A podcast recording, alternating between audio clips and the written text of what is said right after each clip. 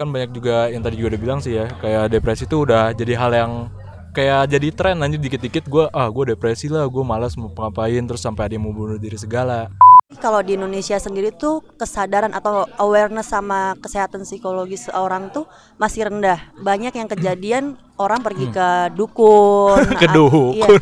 Kalau di daerah kalau kita ngerasa pusing, kita pergi ke dokter. Tapi kalau kita ngerasa wah ada gangguan jiwa nih gue gitu, misalnya ada gangguan mental illness dari gue, itu kan belum tentu kita sadar gitu Iya. ya. Salah satu supaya lo bisa living well itu lo harus mencapai nirwana. Iya. Nah, cara mencapai nirwananya jangan lo lari dari suatu masalah. Misalnya lo lagi ngerasa sedih ya lo jalanin kesedihan lo, tapi Ya gue udah cutting berkali-kali kok nggak mati-mati gitu kan. Eh. Nah, sebenarnya cutting itu bukan salah satu jalan keluar buat diri lo gitu. Apa pun alasan lo, entah lo ngerasa gue gue tuh ngerasain sakit, tapi gue nggak ada sakit yang nyata, makanya gue cutting. Itu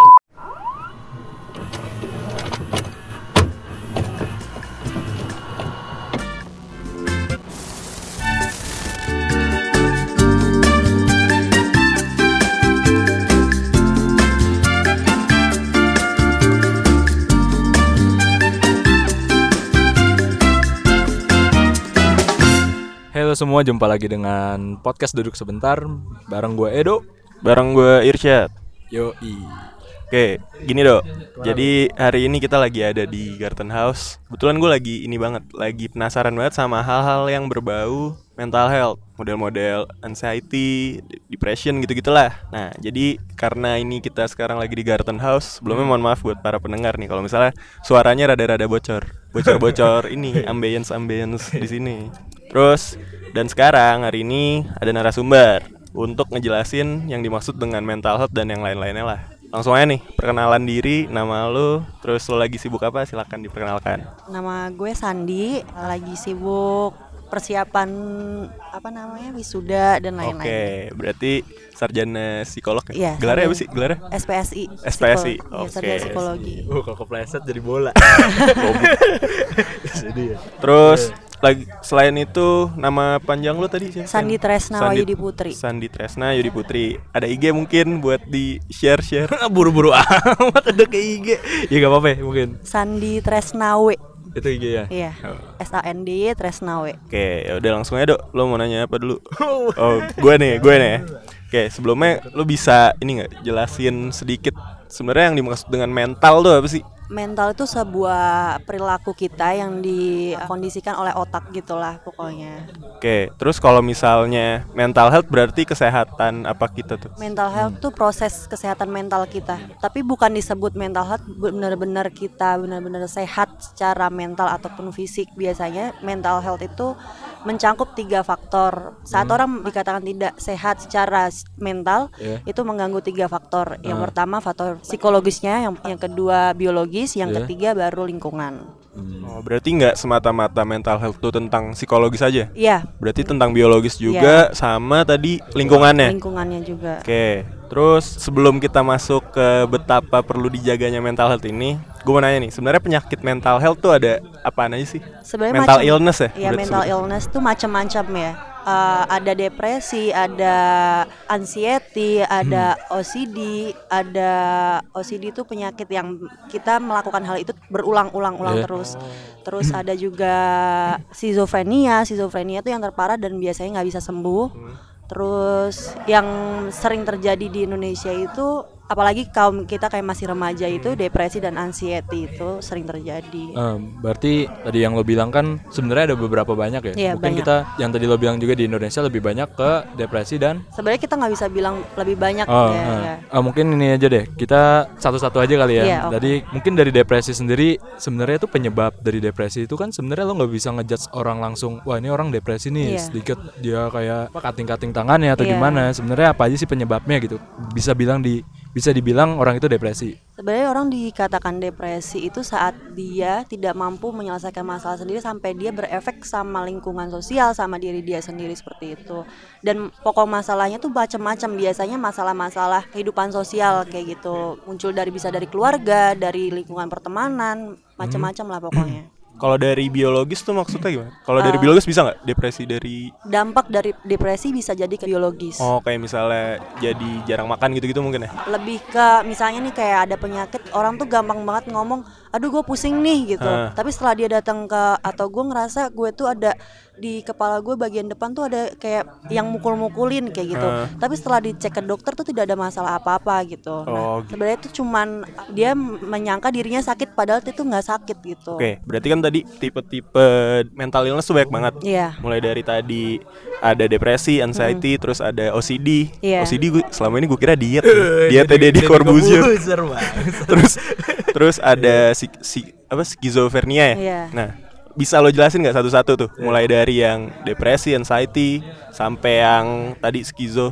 Jadi kayak depresi nih misalnya. Depresi orang bisa dikatakan semua orang pasti merasa merasakan depresi, Iya. tapi tergantung gimana dia coping stresnya dia menanggapi Hmm. depresi ini. Saat orang dibenturkan oleh satu permasalahan, pasti kan dia mengalami fluktuasi gitu kan Ah. dalam hidupnya dia. Nah, sebenarnya gimana dia men- menyikapi sesuatu permasalahan itu bisa berdampak dalam penyakit mental health tadi atau mental illness tadi. Terus kalau depresi itu bisa terjadi, bisa dikatakan seseorang mengalami depresi, anxiety itu dilihat dari ada observasinya dulu. Hmm, benar benar. 3 sampai 6 bulan pertama Oh. biasanya itu akan ada dari onset pertama muncul. Misalnya orang depresi dampak efek sampingnya dia cutting gitu misalnya. Hmm. Itu kita waktu saat pertama muncul kejadian atau onset itu cutting, itu kita nggak bisa mengatakan oh dia depresi gitu.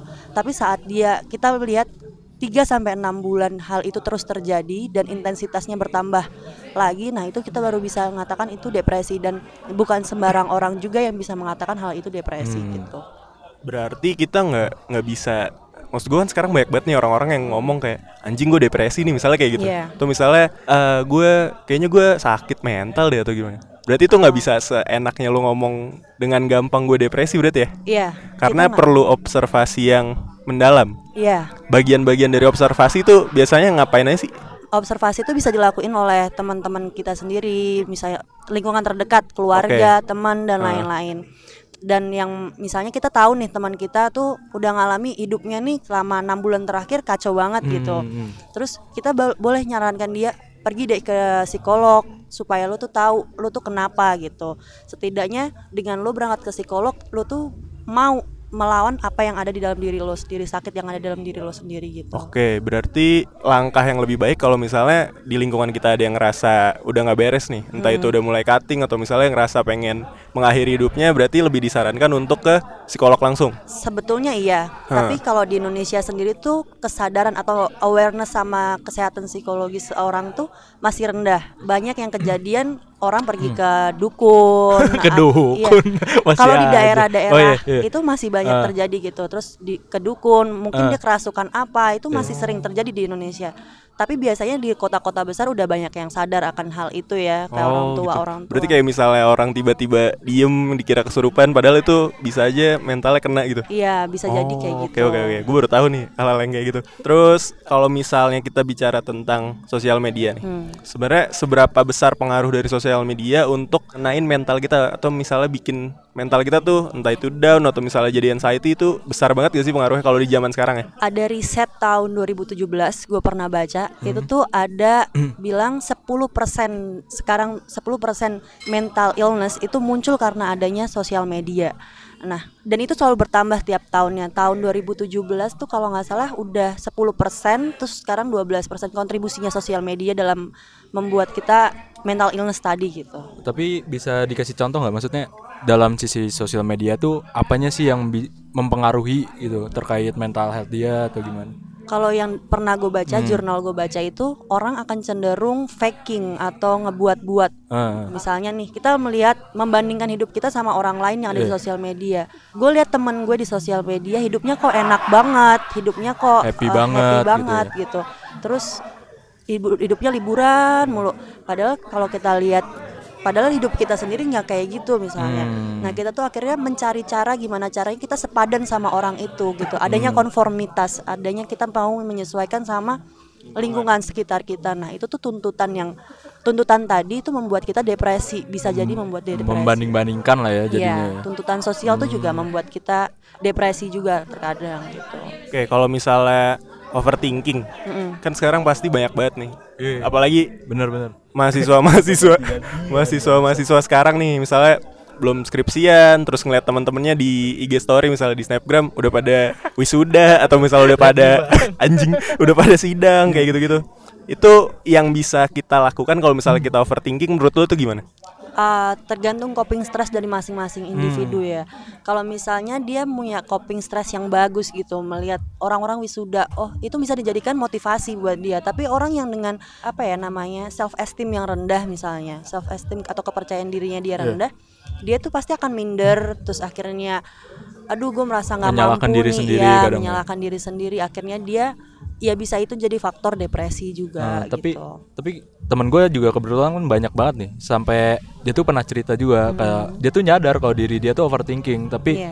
terkadang ya gue bilang kan pasti ya udah bodo amat lah nggak usah terlalu dipikirkan tapi jawabannya ya ya susah gue orangnya overthinking maksudnya kalau dari lo sendiri gimana sih menanggapi orang-orang yang seperti itu apa emang kita harus udah diberitahu segala macam tapi kan dari dianya juga susah apa kita emang udah udahlah lo ke psikiater aja coba atau gimana gitu Sebenarnya pengaruh lingkungan sosial atau lingkungan pertemanan itu adalah gimana lingkungan pertemanan, lingkungan keluarga itu gimana caranya kita menerima atau membuat dia tuh bisa menerima dirinya dia Iya, gitu. betul.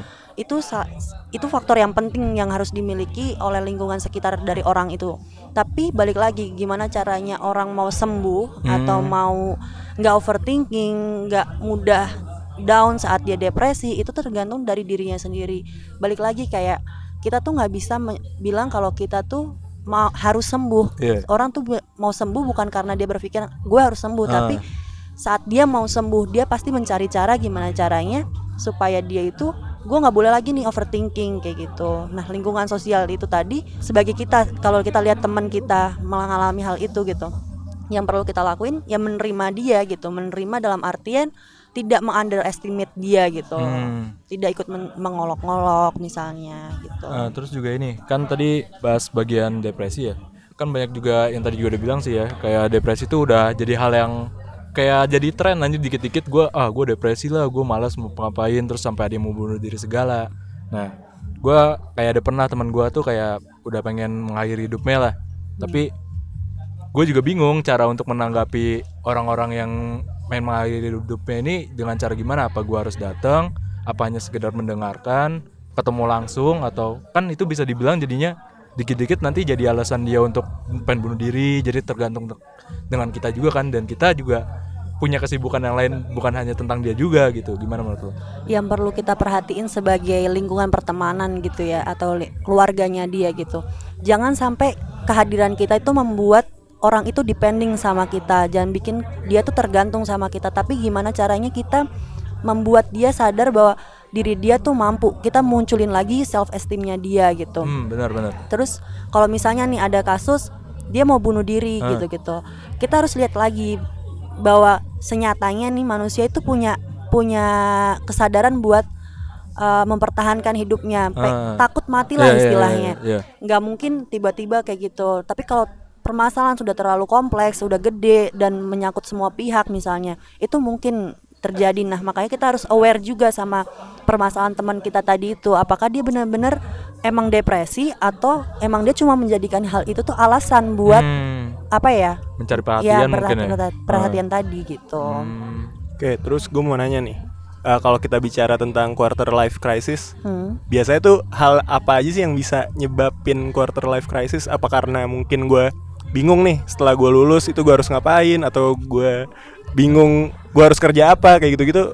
Apa aja sih yang biasa menyebabkan seseorang itu ngerasain quarter life crisis? Ini menjadi hal yang nyata, memang ada atau mungkin quarter life crisis ini hanya sebuah narasi yang dibentuk tapi sebenarnya itu dirasain semua orang gitu atau gimana?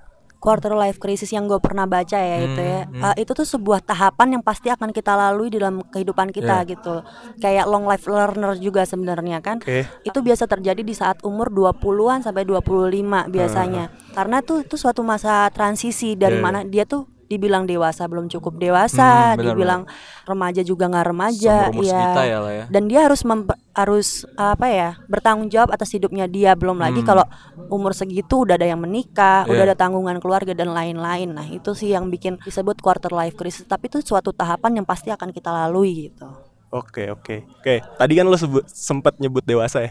Gue pengen nanya nih tentang hal dewasa. Kalau menurut gue, gue pernah bahas sama Edo.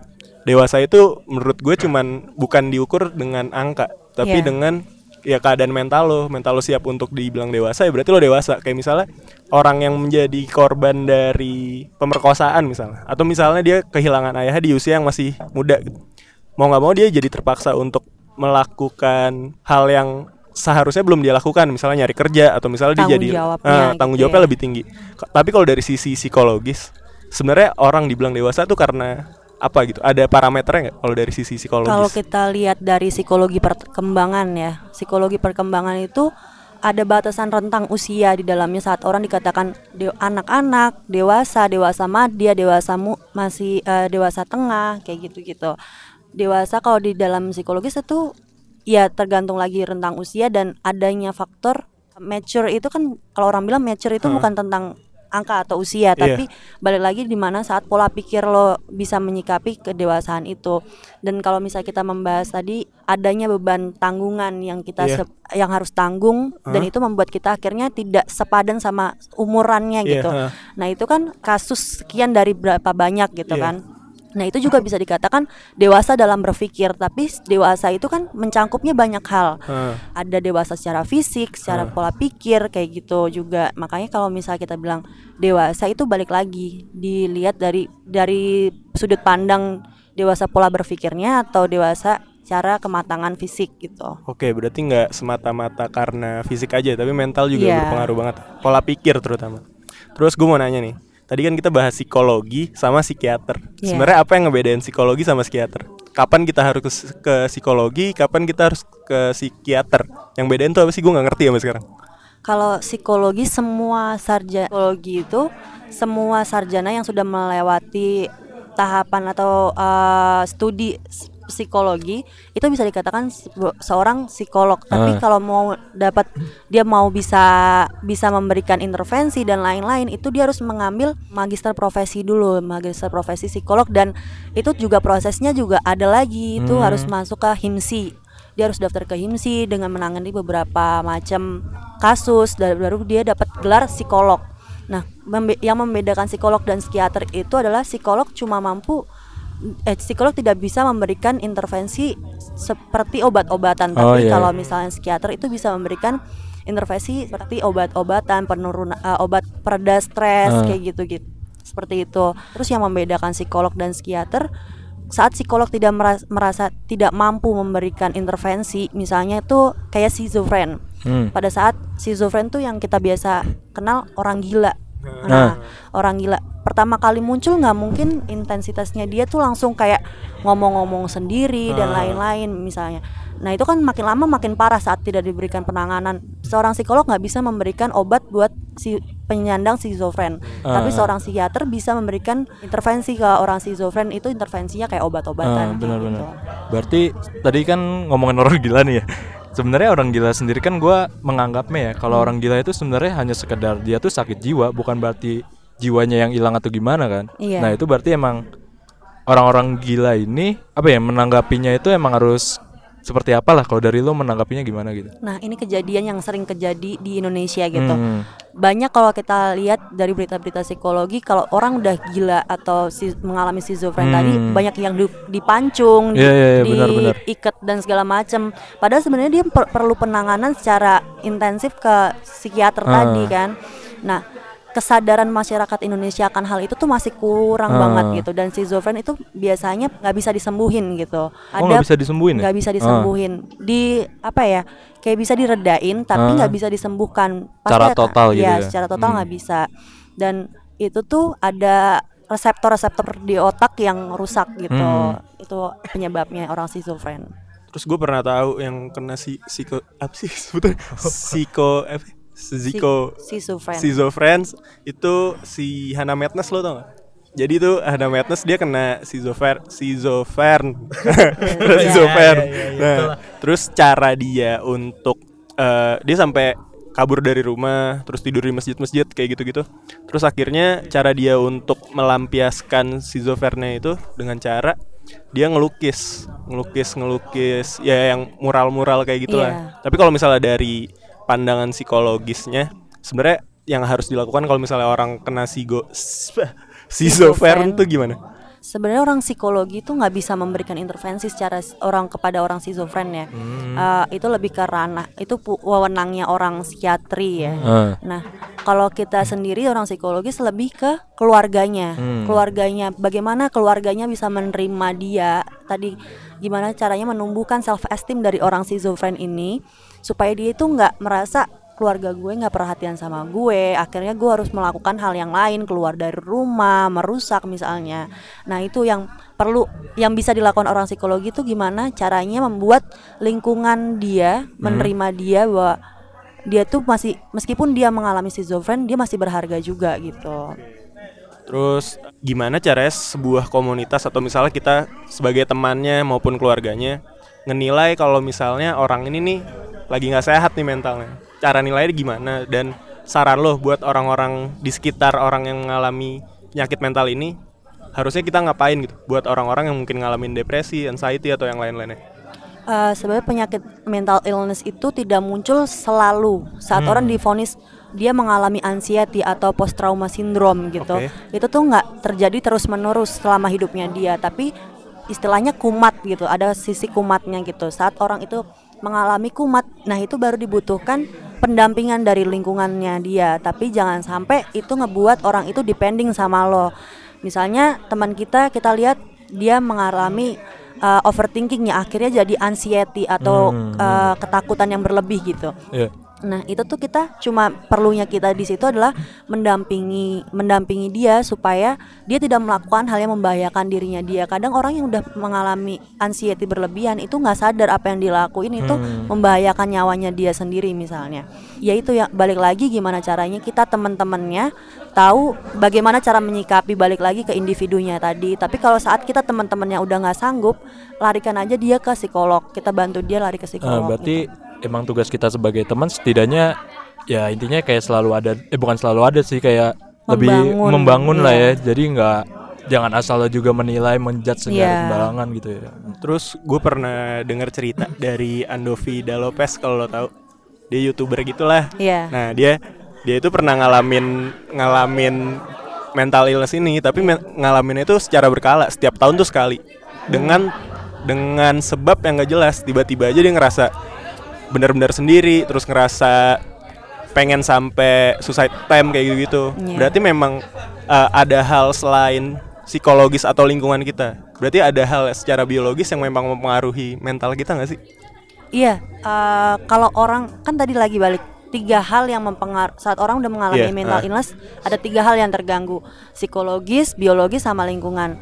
Misalnya dia udah ngerasa anxiety atau dia udah gue nggak kuat nih lagi hidup gitu banyak membuat gue takut gitu Ah. akhirnya gue berhenti sama suicide atau minum-minum obat-obat penenang nah Oke. itu kan akan berpengaruh pada biologisnya dia Oh. oke. dan nantinya akan berpengaruh juga sama lingkungan sosialnya dia dia jadi mengurung diri nggak percaya diri dan hal dan hal itu tuh yang benar-benar di luar kendali dari lingkungan kita Hah. balik lagi ke individu tadi gitu Berarti kalau misalnya ada seseorang yang tiba-tiba ngerasa benar-benar sendiri atau misalnya ngerasa anxiety-nya tinggi tanpa sebab, lebih baik berarti langsung ke psikolog aja tuh. kita sarankan ke psikolog tapi kalau dia denial atau dia nggak mau gue nggak sakit jiwa kok gitu nah, nah. Iya. gue nggak sakit jiwa kok orang gue sehat-sehat aja kan makanya banyak di Indonesia nggak sadar akan kesehatan Hmm, mental itu karena dia merasa ke psikolog tuh dikatakan orang gila gitu loh padahal belum tentu kita ke psikolog kita Yes. dibilang orang gila nah itu yang perlu kita sebagai temen kita tuh bilang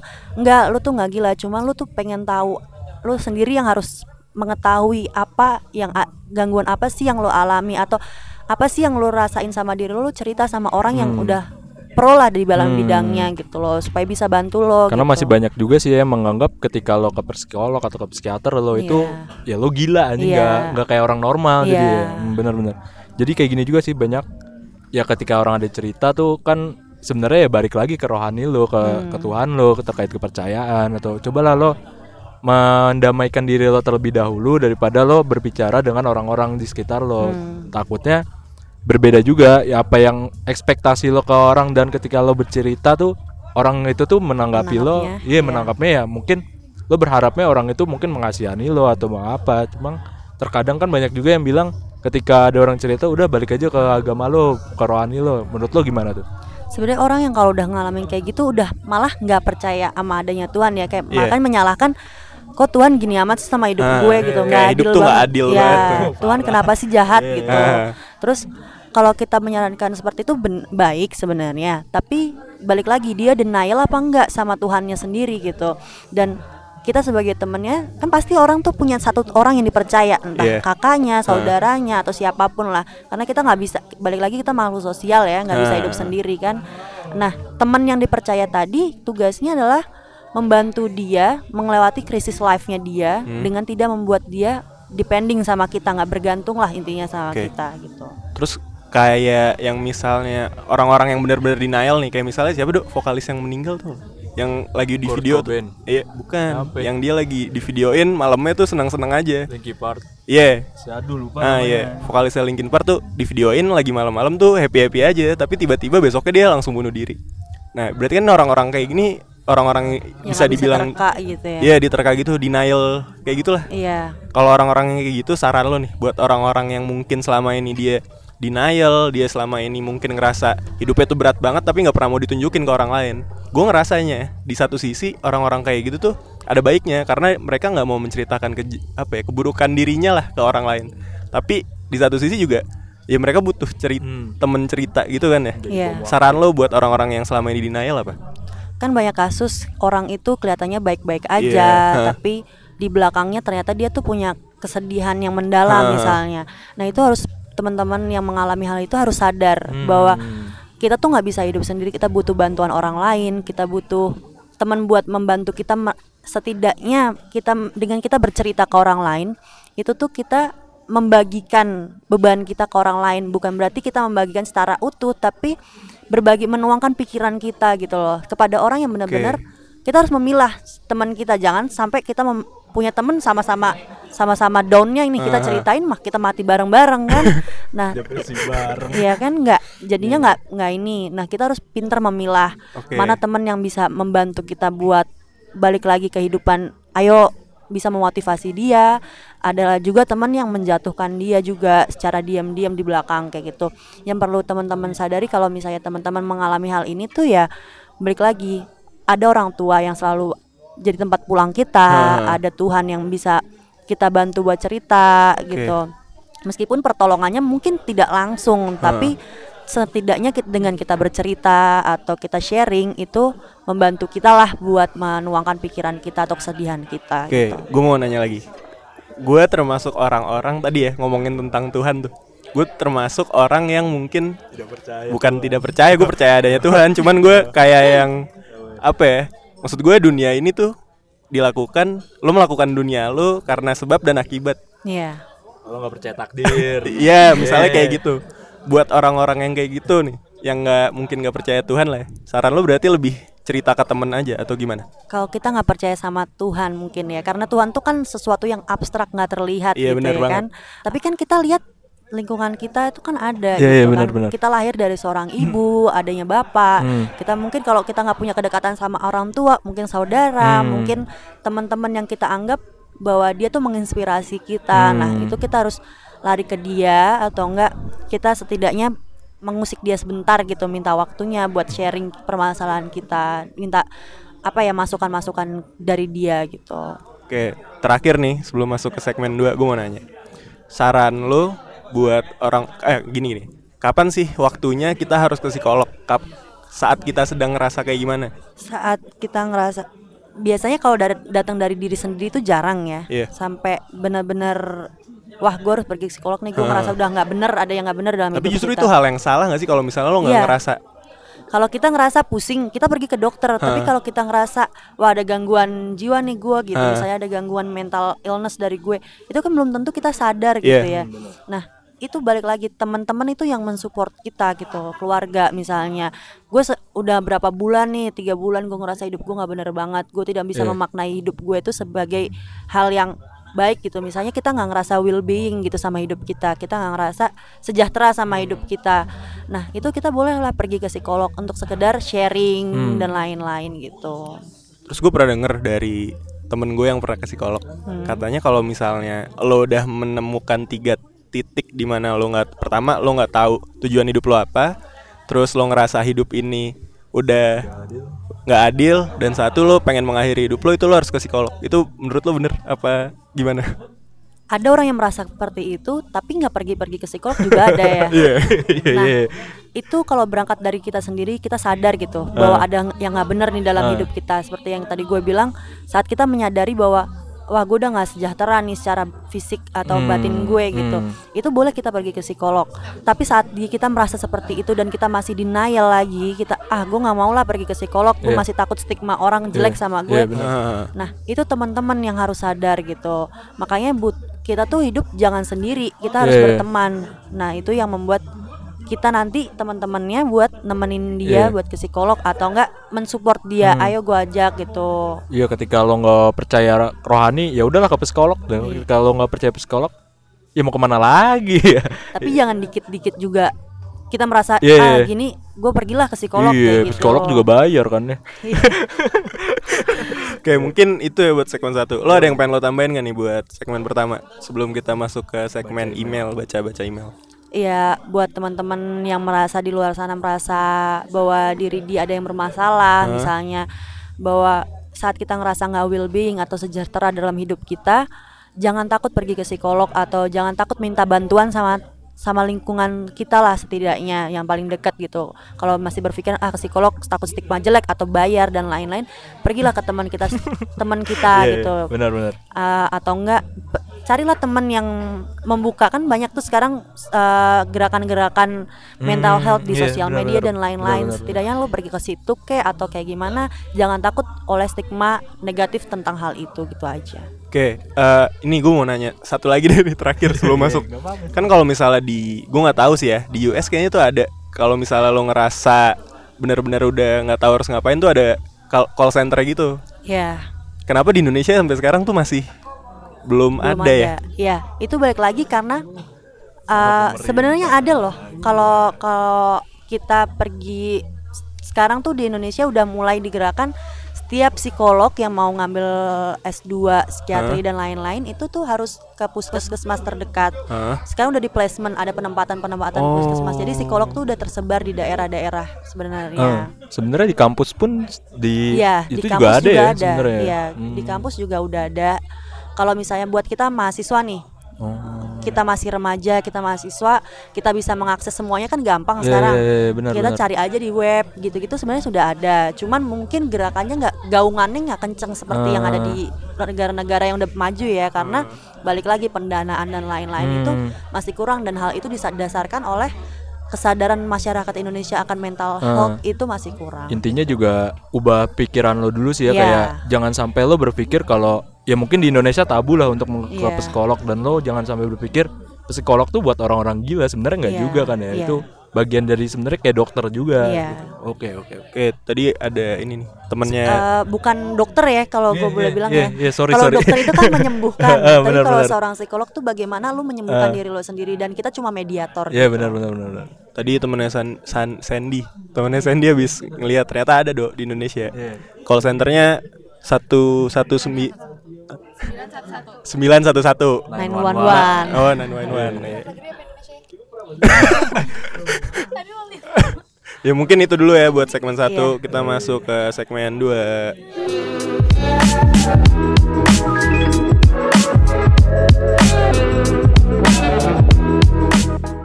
Oke, jadi setelah beberapa episode kita absen tentang baca email, kira kita baca lagi di episode mental health ini. Langsung ya, email yang pertama orangnya nggak mau disebutin. Semuanya nggak mau disebutin sih yang kita bacain hari ini. Oke, gue baca ya. Halo Edo dan Irsyad, apa kabar? Semoga sehat selalu ya. Aku habis ngeliat story Edo kalau kalian bakal ngebahas tentang mental health di podcast kalian dan mempersilahkan follower kalian buat sharing pengalaman pribadi. Berhubung aku nggak atau belum berani nge-reveal identitasku, jadi aku nggak ngasih tahu siapa aku ya. Hehe, oke. Aku sendiri punya penyakit mental yaitu panic attack. Itu berawal dari rasa sedih dan gelisah tiba-tiba dan tidak tahu alasannya kenapa.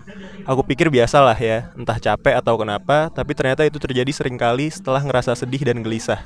tiba-tiba suka panik gak jelas pas panik itu rasanya nggak bisa nafas kayak ada di ruang sempit dan sumpah itu nggak enak banget bayangin lagi ngelakuin sesuatu dan tiba-tiba panik out, out of the blue kejadian itu aku biarkan aja untuk beberapa saat dan udah nggak terjadi lagi untuk beberapa saat tapi pas saat aku lagi memasuki masa skripsi udah mulai rada stres ya wajar sih menurutku dan pada saat yang bersamaan aku dapat kabar kalau ibuku kena kanker di situ aku hancur banget. Aku nggak tahu harus gimana. Serangan panik datang lagi. Anxious, sad, all mix up. Aku selalu bilang ke diriku sendiri, nggak apa-apa, masih ada yang lebih nggak beruntung dari kamu. Tapi aku nggak munafik. Aku tetap sedih dan belum tahu bagaimana buat mengendalikan diri saat serangan panik yang bikin sesak nafas itu datang. Dan akhirnya aku ngelakuin research. What to do when you get you got panic attack. Ya beberapa cara aku lakuin, tapi ya tetap aja aku masih suka dapat serangan panik aku nggak berani cerita ke teman-teman dekat karena aku pikir mereka juga punya urusan atau problem. Jadinya nggak mau ngerasa ngebebanin aja. Dan panic attack itu efeknya apa di aku? Aku jadi susah fokus buat ngelakuin sesuatu. Aku nggak bisa ngelakuin daily activities. Aku udah nggak kuat. Akhirnya aku nemuin student counseling di salah satu fakultas di salah satu fakultas tempat dia kuliahnya nih.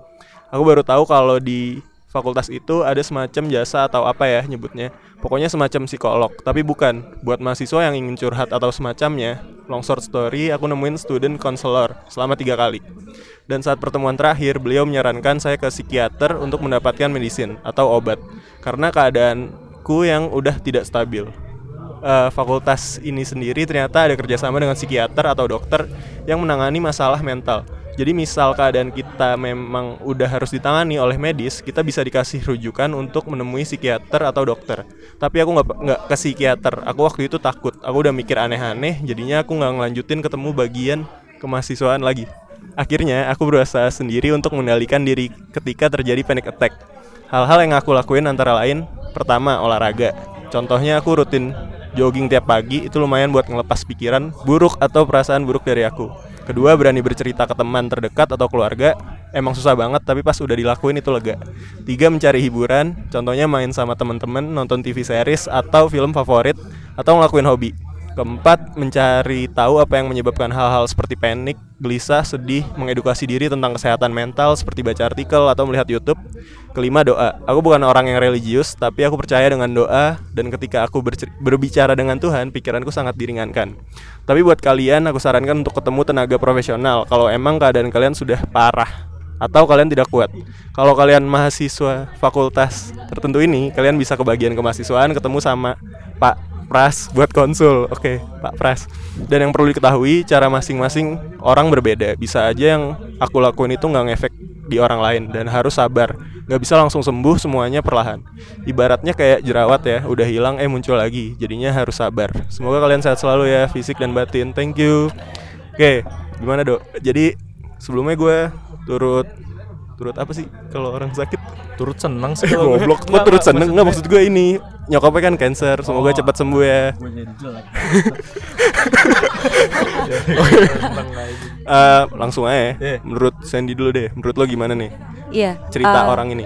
kalau gue pribadi mengapresiasi nah. langkah yang dilakuin ya. Ah, benar. karena pertama dia berani dengan dia pergi ke badan tadi sharing tadi uh -huh. itu tuh salah satu kemauan dia buat keluar dari permasalahan dia bukan keluar sih tapi menolong dirinya sendiri gitu loh dan bener emang salah satu dosen gue pernah bilang kalau saat kita merasakan panik panik tuh boleh ya kita harus punya hmm. panik di dalam hmm. diri kita tapi saat itu skalanya udah berlebihan hmm. itu tuh yang baru nggak sehat dan suatu emosi itu emang harus dikeluarin dari tubuh kita yeah, kan yeah. mau emosi senang mau emosi sedih itu yeah. harus benar-benar dikeluarin dari tubuh kita kalau misalnya kita senang kita dengan happy happy pergi kita sharing sama teman-teman kita bahagia ketawa gitu tapi saat kita emosi kita lagi jelek nang kita nangis kita pergi dan saat kita tidak menyadari kan dia sempat mengalami uh, suatu masa nggak menyadari bahwa diri dia itu apa ya nggak tahu mau gue harus kayak gimana uh. nih gitu kan nah itu tuh buat teman-teman yang mengalami hal ini juga misalnya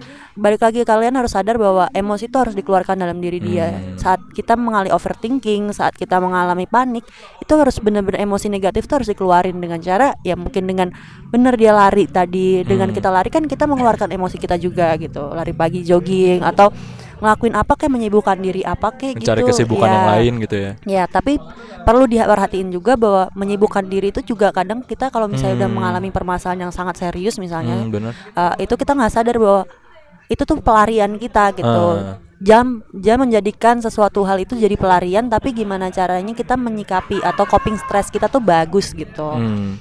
Dan bener kalau misalnya kita saat kita udah merasa gue nggak bisa ngehandle ini dan gue ketemu teman-teman pun ngerasa nggak ada solusi gitu.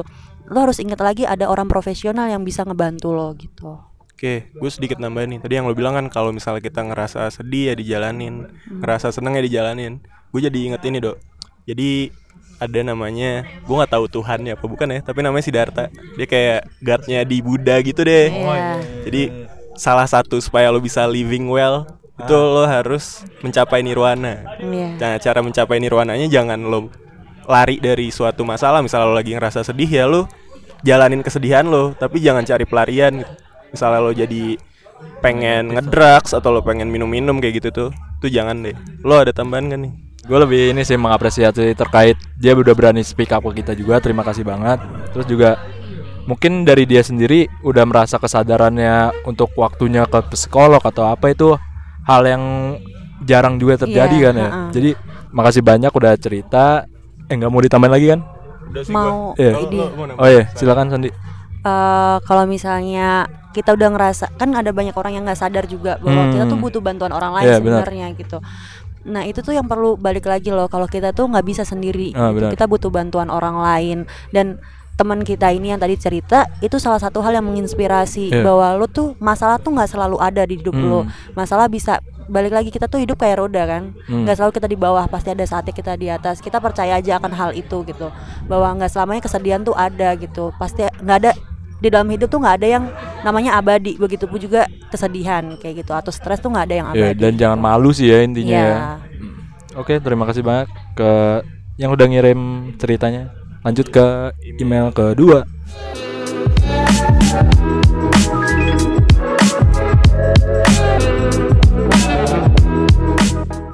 Oke, lanjut ke email kedua dari seseorang yang nggak pengen disebutin namanya. Halo, di sini gua mau cerita sedikit pengalaman dan pengalaman dan saran gua mengenai mental health dari yang gua tahu dan pernah rasain aja ya. Kalau kalian mau share cerita ini di podcast kalian, tolong share yang menurut kalian penting aja. Ambil baiknya dan buang buruknya. Nama dari email ini juga nggak usah di-share dan gua harap kalian bisa jaga rahas- kerahasiaan dari isi cerita ini. If you do if you do tell this to anyone, believe me, I will know. Iya, slow. Oke, slow. Nah, jadi isinya gini. Suatu waktu ada satu kejadian yang benar-benar bikin gua trauma, bikin gua down. Gua benar-benar sakit hati di situ. Gua ngerasa gua adalah manusia yang paling bodoh dan paling sia-sia di dunia ini. Perasaan ini gak enak banget. Bahkan gua sampai di titik memperta- mempertanyakan diri gua sendiri. Kenapa gua masih hidup juga? Kenapa gua nggak mati aja? Rasanya separah itu. Kejadian itu sampai bikin gua depresi berat selama satu bulan. Tapi selang beberapa waktu, emang sih it's get better. Tapi juga karena kejadian itu gua jadi punya suatu kebiasaan. A very bad habit. I cut myself for almost two years. Setiap ada sesuatu yang nge-trigger untuk bikin gua sedih, gua cutting. And I did it very often. I just stopped doing it very recently. Crazy, crazy right? Dulu gua nggak tahu gimana cara berhenti dan gua nggak berani cerita ke orang-orang. Pernah suatu wak- suatu waktu gua ketahuan kayak gitu, kayak gitu. But some people just look at me. Mereka pada bilang, ngapain sih kayak gitu? nggak penting. Aku ngeremeh, aku di, eh atau ngeremehin atau apa sih? Oh, eh, sorry sorry sorry. Atau ngeremehin dan bahkan nganggap gua jijik. Bener le. But eh adi anjing. Eh ulangin ulangin. Atau ngeremehin dan bahkan ngang- nganggap gua jijik atau lebay karena kelak- ngelakuin itu. Tapi ya buat apa? Apakah komen kalian memperbaiki keadaan? No, it's mad it's worse. Terus apakah juga kalian paham kenapa gua ngelakuin itu enggak? Bantuin, Bro. Sebagai seorang yang pernah ngalamin tingkat kestabilan mental, eh mentalnya naik turun, penting banget yang namanya harus ngehargain diri sendiri. Misal, kalian yang lagi down atau dan ngerasa it affects you so much, but people keep looking down on you, just don't bother them. Do something good for yourself. you are not apa itu? You are not worth any aduh bahasa Inggris ya? You are not worth any less just because you feel sad. This is something that I would want to say to my old self. Sekarang perlahan-lahan gue udah mulai sembuh. Gue udah mulai egois. Dalam arti gue bukan egois yang nyusahin orang tapi berusaha untuk nggak peduliin kata orang. Gue berusaha untuk tetap memper- melakukan yang terbaik buat orang-orang. Tapi kalau ada yang komentar ya udah gue nggak peduli sekarang gue ngabisin waktu gue untuk nggak mikirin orang-orang lain gue banyak belajar belajar mengontrol diri belajar memahami gimana segala sesuatu yang terjadi gue berusaha ikhlas sama apa yang udah lewat di kehidupan gue dan berharap bahwa Tuhan ngasih gue cobaan untuk mengurangi kuota kegagalan gue di masa depan. Amin. Intinya menurut gue mental health itu hal, yang sangat serius. Emang kalau mental health lo terganggu itu sakitnya nggak terlihat secara fisik, tapi efek jangka panjangnya itu berat banget. Dan ada banyak jenis mental sickness yang sebenarnya bukan depresi. Depresi aja. Jika lo ngerasa ada yang nggak beres sama lo dan lo nggak semangat jalani kehidupan lo, do you do you own research and cari tahu sendiri gimana caranya supaya lo nggak terus-terus terpuruk. Cuma lo dan hanya lo yang bisa menghentikan itu semua. Sekian dari gue. Senyum gue. Wuh. Sorry sorry ya kalau bacanya rada berantakan ya. Nggak ada teman gue yang bantuin nge-scroll. ya gimana menurut lo dari dulu dari lo dulu sekali San? menurut gue ya hebat sih dia bisa berhenti cutting gitu karena banyak orang yang bahkan mengalami nggak cuman cutting gitu kan bisa sampai lebih dari cuman cutting bahkan ya gue udah cutting berkali-kali kok nggak mati-mati gitu kan Eh. nah sebenarnya cutting itu bukan salah satu jalan keluar buat diri lo gitu. Apa pun alasan lo entah lo ngerasa gue gue tuh ngerasain sakit tapi gue nggak ada sakit yang nyata makanya gue cutting. Itu tuh bukan hal yang dibenarkan sebenarnya. Dan diri lo tuh berharga gitu. Buk, jangan lo punya Tuhan lo punya diri lo yang lebih besar daripada masalah lo gitu. Jadi buat apa sih lo? Bukan buat apa ya gue nggak mengunderestimate seseorang yang cutting dan lain-lain. Tapi saat lo tahu ada yang salah sama diri lo Hah? Carilah orang lain gitu saat orang lo nggak ngerasa nggak mampu cari orang lain yang bisa lo percaya tidak menjatuhkan lo dan nggak mengunderestimate kalau dia tadi sempat ketahuan sama orang Ah. temennya kan terus akhirnya temannya underestimate dia gitu Sampai ketawain. Iya diketawain dan kayak mah jadinya apaan sih lo gitu Ah. dan kok bodoh banget melakukan Ah. hal itu dan pada saat ada statement itu nyampe ke diri kita hal itu tuh bukan memotivasi kita buat melakukan hal yang benar tapi malah ngebuat kita ngerasa ya Makin ya berani. makin gue makin gak berharga nih dalam hidup ini Ah. gitu dan buat teman-teman misalnya nih kan biasanya kayak gitu kita nggak tahu ya cutting kayak gitu ya Heeh. hal-hal kayak gitu kita di luar dari kendali kita gitu. Hmm. Bagi teman-teman yang menyadari bahwa ada teman kita di lingkungan kita yang udah seperti itu, Hah? Jangan di underestimate, tapi gimana caranya kita membangun self esteem dia, kepercayaan diri dia bahwa lo tuh lebih besar daripada permasalahan yang lo punya. Dan lo punya Tuhan, lo punya teman sekitar yang lo tuh hidup nggak sendiri, selalu ada orang lain. Dan sekali lagi lo pergi eh, lo lebih baik pergi ke tenaga profesional gitu ya. Karena kita kadang sering sharing atau ke orang tuh bener nggak nggak sesuai tanggapannya tuh nggak sesuai ekspektasi kita gitu. Malah jatuhnya menjatuhkan kita biasanya dan lebih disarankan bahwa pergi ke psikolog toh ke psikolog pun bukan psikolog yang menyembuhkan atau psikiater yang menyembuhkan tapi Hmm. diri lo sendiri yang menyembuhkan gitu Oke, berarti semuanya balik lagi ke diri sendiri ya. Iya. Bukan tadi yang lo bilang bukan depends on orang lain, Iya. tapi diri sendiri. Terus gue tadi tuh pengen nanya, kalau misalnya cutting itu apa yang leads dia buat cutting sih? Sebenarnya gue bing gue bingung sih. Iya, soalnya gue takutnya ntar gue malah mengunderestimate Oh, atau iya. gimana gitu kan. Gue penasaran sebenarnya apa yang leads untuk dia melakukan cutting. Kalau dari yang lo tahu. gue pernah baca atau pernah bacalah di orang di layanan psikologis gitu ada orang cutting gitu Bab- ada yang sharing kebanyakan tapi hal ini nggak dibenerin ya bukan jadi excuse lo buat melakukan cutting gitu Heeh. perlu ditandasin ini bukan excuse buat kita ngelakuin cutting rata-rata tuh banyak yang ngerasa dengan gue cutting ada bekas luka kan gitu heeh. dengan nanti lukanya itu kan sembuh berarti menyatakan diri gue sembuh toh cutting itu nanti bekas lukanya itu scarsnya itu sembuh kan belum belum tentu batin lo atau mental lo tuh sembuh gitu Ah. loh dan itu rata-rata menjadi alasan mereka buat cutting Oh, berarti Karena- ibaratnya menyesuaikan sama gue luka kalau gue sembuh berarti gue sembuh. Padahal Eh, enggak bukan gitu juga tapi ada sakit. Gua. salah salah bukan ada ada sakit yang nyata. Kan kalau Iya, kita iya. mengalami mental illness itu kan sesuatu yang abstrak nggak Hmm. terlihat Ha, gitu kan. Nah sedangkan kalau kita luka scars kita jatuh dan lain-lain itu kan sesuatu hal yang kelihatan. Misalnya setiap kali dia ngerasa anxiety atau ngerasa panic attack dia cutting gitu diri dia Hmm. sendiri gitu kan. Setiap kali dia muncul cutting. Setiap muncul cutting. Terus nanti dia melihat kok gue makin lama makin parah ya. Nah Iya, itu tuh membuat dia motivasi dia buat gue nggak boleh lagi berhenti. Gue harus Hmm. berhenti hal ini gitu. Tapi itu sebenarnya bukan bukan salah satu alasan buat ngelakuin hal itu itu tuh nggak dibenarkan banget dan gitu itu malah jadi ketergantungan juga Iya, ya lo iya. dikit-dikit ada masalah cutting-cutting terus Iya, kan bingung lo mau cutting mana lagi nih iya kan, kan Ah, benar. Nah, Terus juga menurut gua kayak ini juga bagian dari menuju kedewasaan mungkin ya Iya. kayak quarter life crisis tadi yang kita bahas. Terus ya alhamdulillahnya lo udah mengetahui dan mungkin ketika lo nggak pernah merasakan ini lo nggak bakal lebih baik ke depannya atau lo nge- malah lo kan jadi malah percaya Tuhan nih bahwa Tuhan ini mengasih cobaan untuk lo untuk mengurangi kekuatan kuota kegagalan di masa depan. Ya semoga seperti itu. Ya intinya ketika emang lo udah merasa seperti itu dan ya tadi juga dibilang masalah cutting sebenarnya tidak menyalahkan dan tidak membenarkan ya tapi lo lebih baik mengetahui diri lo tuh seperti apa harus harus ngelakuin apa harus memperbaiki apa intinya seperti itu. Ya terima kasih yang udah ngirim emailnya. Atau mau ditambahin lagi? Udah. Oh, udah. Oke. Cukup dari email kedua lanjut ke email ketiga.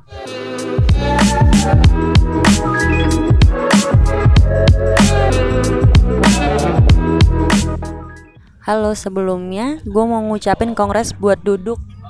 Duduk sebentar. Sebentar karena udah seribu listeners. Eh, terus Ketahuan. maju Iya. dan berkembang ya Dut, Syat. Thank you banget episode kali ini buat kalian buka topik tentang kesehatan mental. Di sini gue mau cerita bahwa gue pernah mengalami hubungan yang bisa dibilang agak toksik pengaruhi mental gue. Hmm. So this is my story. Gue pernah berada dalam suatu kondisi di mana gue punya pasangan yang egois dan kalau udah maunya ya maunya harus diturutin. Gue dan pasangan gue ini menjalani hubungan selama 2 tahun kurang lebihnya. Pasangan gue ini maunya gue selalu menuruti apa yang dia minta. Kayak misalnya tentuin makan aja harus apa yang dia mau. Jarang banget dengerin apa pendapat gue. Pasangan gue ini juga orangnya posesif. Gue gue pernah ketemu sama teman lama gue terus dia ngambek. Gue mau pergi sama temen gue dia ngambek karena gue gak bisa nemenin kemauan dia untuk pergi. Lebih ke arah sepele adalah hal yang paling sering bikin kita jadi beran- berantem gue bisa bertahan karena gue kira dia akan berubah tapi ternyata tidak. Tidak sama sekali. Gue udah ngerasa hubungan gue dan pasangan gue itu gak sehat sejak beberapa bulan sebelum kita putus. Dan akhirnya sekitar dua bulan yang lalu kita putus karena satu dan hal lain hal which is emang kayaknya udah gak ada yang bisa diharapin lagi dari hubungan itu. Gue sedih tapi gue sedikit lega. Akhirnya gue bisa lepas karena menurut gue selama ini mental gue sedikit terganggu punya hubungan sama pasangan gue ini. Selama kita berhubungan gu- gue selalu diem aja takut buat speak up ke dia kalau ada hal-hal yang gak gue suka jarang gue omongin dan lainnya lah ya. Kurang lebihnya kurang lebihnya dah sih ceritanya gitu doang. Thank you banget Edo Irsyad kalian udah jadi wadah buat beberapa orang yang takut untuk speak up dan ngeluarin pendapatnya ke orang lain. Oke, thank you banget buat yang udah ngirim. Gue lo lo mau ngasih pendapat dulu apa? mungkin lo punya pengalaman yang sama mungkin. Eh, sebenarnya nih ya toxic itu bukan cuman teman kita kan ada yang sebut toxic friends.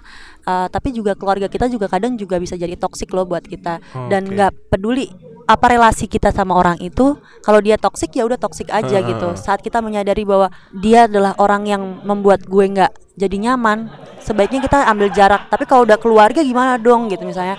Kayak ini bapak gue nih gitu. Bapak gue toxic nih buat gue gitu. Membuat gue akhirnya down dan lain-lain gitu. Tapi saat lo sadari bahwa bapak lo misalnya nih bapak lo adalah yang menyebalkan bukan berarti lo tidak mengakui bapak lo kan? Iya, ya bener. kan? Tetap menghargai dia sebagai seorang ayah dari kehidupan kita. Hah? tapi ya kita harus balik lagi menyikapi orang itu bagaimana. Dan Hmm. cuman kita yang bisa menyikapi dia. Gak bisa kita mengandalkan saran lo apa nih buat gue gitu. Kita nggak bisa mengandalkan orang saran orang lain. Cuman kita sendiri yang bisa mengatasi eh, mental illness kita gitu. Oke. dan saat udah hal itu udah nggak masuk di akal barulah Hmm. kita pergi ke orang yang profesional misalnya Oke. Jadi ya sebenarnya yang dia lakuin putus sudah bener lah ya. iya bener Bener, bener, bener. banget nih Di gue kasih ini aja sih saran aja buat cowok-cowok nih yang mungkin juga toxic. Karena gue dulu juga toxic. jadi daripada lo jadi cowok-cowok yang posesif atau misalnya lo selalu ngelarang ini itu, mendingan lo jadi orang yang terbuka. Soalnya gue ada di anjing. Soalnya gue ada di ada di ada di pernah ada di fase di saat gue malah ngelarang-larang pacar gue misalnya. Pacar gue malah jadi yang bohong, jadi yang Iya. bohong. Terus setelah bohong itu ya makin malah makin besar kan. Jadi kalau Iya. misalnya lo ngerasa cowok-cowok nih yang ngerasa sekarang ini masih egois sama ceweknya atau misalnya masih masih nggak ngerti gimana harus bertindak sebagai sebagai cowok yang bener gitu. Mending lo jangan setoksik itu lah Iya benar. nggak baik buat elunya sendiri Tapi- nambah nambahin pikiran. Dan buat ceweknya yang pak yang kasihan yang kasihan pak. Kayak tapi tapi sebenarnya tuh nggak cuman cowok doang loh. Iya iya kan? gue setuju gue setuju. Iya, malah bahkan. Iya. tapi bahkan cewek pun iya dan Ah. malah kejadiannya banyak kita lihat di berita-berita Ah, kalau misalnya benar. ada cewek dalam suatu hubungan relation intim gitu ya Hmm. misalnya kayak pacaran Hmm. suami istri saat cewek udah jadi toksik itu lebih uh, Lebih parah lagi ya? kemungkinan lebih parahnya tuh lebih parah Ah, daripada benar, cowok benar. gitu sebenarnya nggak cuma cowok sih cewek juga bisa jadi Hmm. toksik gitu Gue kalau ingat ini sih quotesnya dari Lepi pernah ngomong kayak kayak ketika lo berhubungan atau berhubungan intim kayak eh bukan berhubungan intim kayak kayak lebih ke pacaran atau udah nikah atau itu ya intinya kan lo harus bisa mensalurkan ego lo satu sama lain Iya, tanpa lo betul. harus lo, lo merasa lebih unggul di hubungan ini atau gimana intinya lo harus saling mengerti apalagi masih pacar anjing lo sokap anjing Hmm. ngatur-ngatur gua gini atau itu dan keputusan putus ini sangat masuk akal dan lo bijaksana berani keluar dari ya berani tapi ini keluar. hal-hal yang kayak gini kan juga nggak terlepas dari budaya yang ada di Indonesia. Kayak misalnya budaya-budaya patriarki itu tuh masih Iya, kencang banget iya, kan. betul. jadinya cowok. ngerasa lebih dominan daripada Iya. cewek. Saran gue nih buat cowok-cowok yang ngerasa dominan. Saran ke lu dah. Cowok-cowok. Buat rambut gue sih. Buat cowok-cowok yang mungkin ngerasa dominan lo ya menurut gue ya cowok nggak sedominan itu. Mungkin lo dominan dal- dalam fisik hmm. tapi secara mentality menurut gue nih secara mentality secara psikologis ya sama aja cewek sama cowok ya nggak sih? Iya benar. Mungkin secara biologis saya lo lebih tapi lo nggak lebih daripada itu. Udah sih itu lo ada yang mau ditambahin lagi? Feminisme. Ya itu sih paling buat temen-temen sadari sadari bener Ah. eh, siapa yang toksik dalam hidup lo Hmm. gitu. Bisa jadi temen keluarga nggak mandang siapa pun dia dalam relasi lo gitu. Dan saat lo menyadari dia toksik ambillah langkah Iya. buat mengambil jarak seperti dan itu udah jujur-jujuran aja ya emang kalau emang udah toxic ya lo mungkin terus terang aja lo toxic bagi gue daripada lo menghindari cara diam-diam takutnya malah jadi macem-macem jadi masalah yang besar gue rasa ya udah waktunya jujur juga ketika emang lo menjauhi dia alasannya apa biar dia tahu juga kan temannya Iya. Oke, mungkin itu ya buat email ketiga.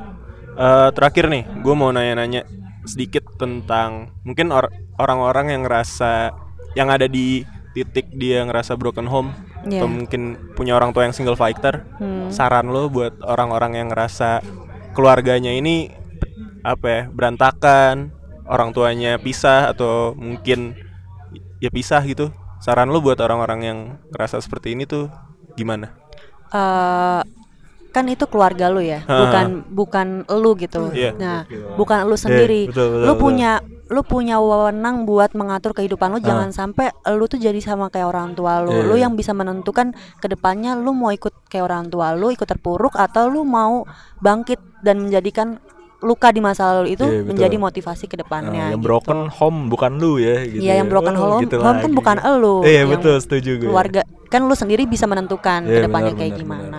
Oke, ada lagi yang mau ditambahin dok, lu dok?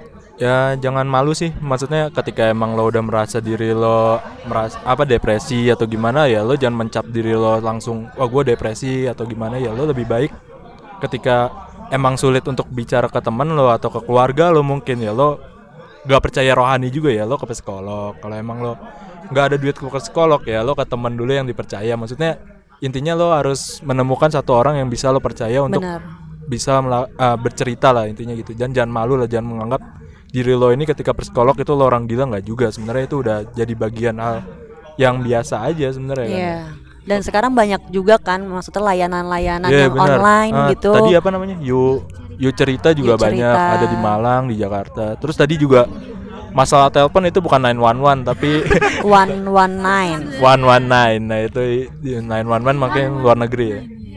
Oke, dari lo ada tambahan gak Sen? Buat Bener yang dikatain Edo tadi sih yang Ah. dikasih tahu Edo bahwa diri lo sendiri kalau lu menghadapi suatu permasalahan sendiri lu nggak akan cukup kuat tapi saat Oke. lu menyadari bahwa lu punya kekuatan lain dari diri lo misalnya teman atau lu menganggap diri lu kuat lu larilah ke psikolog atau larilah ke psikiater bukan lari sih lebih ke menyadari bahwa diri lo sendiri tuh nggak bisa Oke. dan larilah ke orang lain yang lo anggap dia tuh mampu buat Hmm. membantu lo keluar dari permasalahan lo gitu. Oke, buat temen-temen, nih gue mau nanya sama lu, buat temen-temen yang mungkin ngerasa ke psikolog tuh tahapannya ngapain aja sih sebenarnya? Ada kan tadi beberapa yang takut ke psikolog, Iya. kayak misalnya takut dipandang aneh-aneh atau mungkin ntar gue malah di treatment yang aneh-aneh di psikolog atau psikiater. Sebenarnya tuh ke psikolog tuh tahapnya tuh ngapain aja sih? Sebenarnya kita lebih ke psikolog tuh cerita, cuman cerita doang Ah. bahwa tahap biasanya tuh cerita apa sih lo datang ke sini dengan membawa permasalahan apa, lo Ah. menyadari apa yang salah dari diri lo gitu misalnya. Dan nggak ada tuh di akan diapa-apain kecuali saat lo nanti ternyata psikolog menyadari bahwa lo tuh butuh intervensi psikologis Ah. atau butuh disarankan untuk psikiater gitu.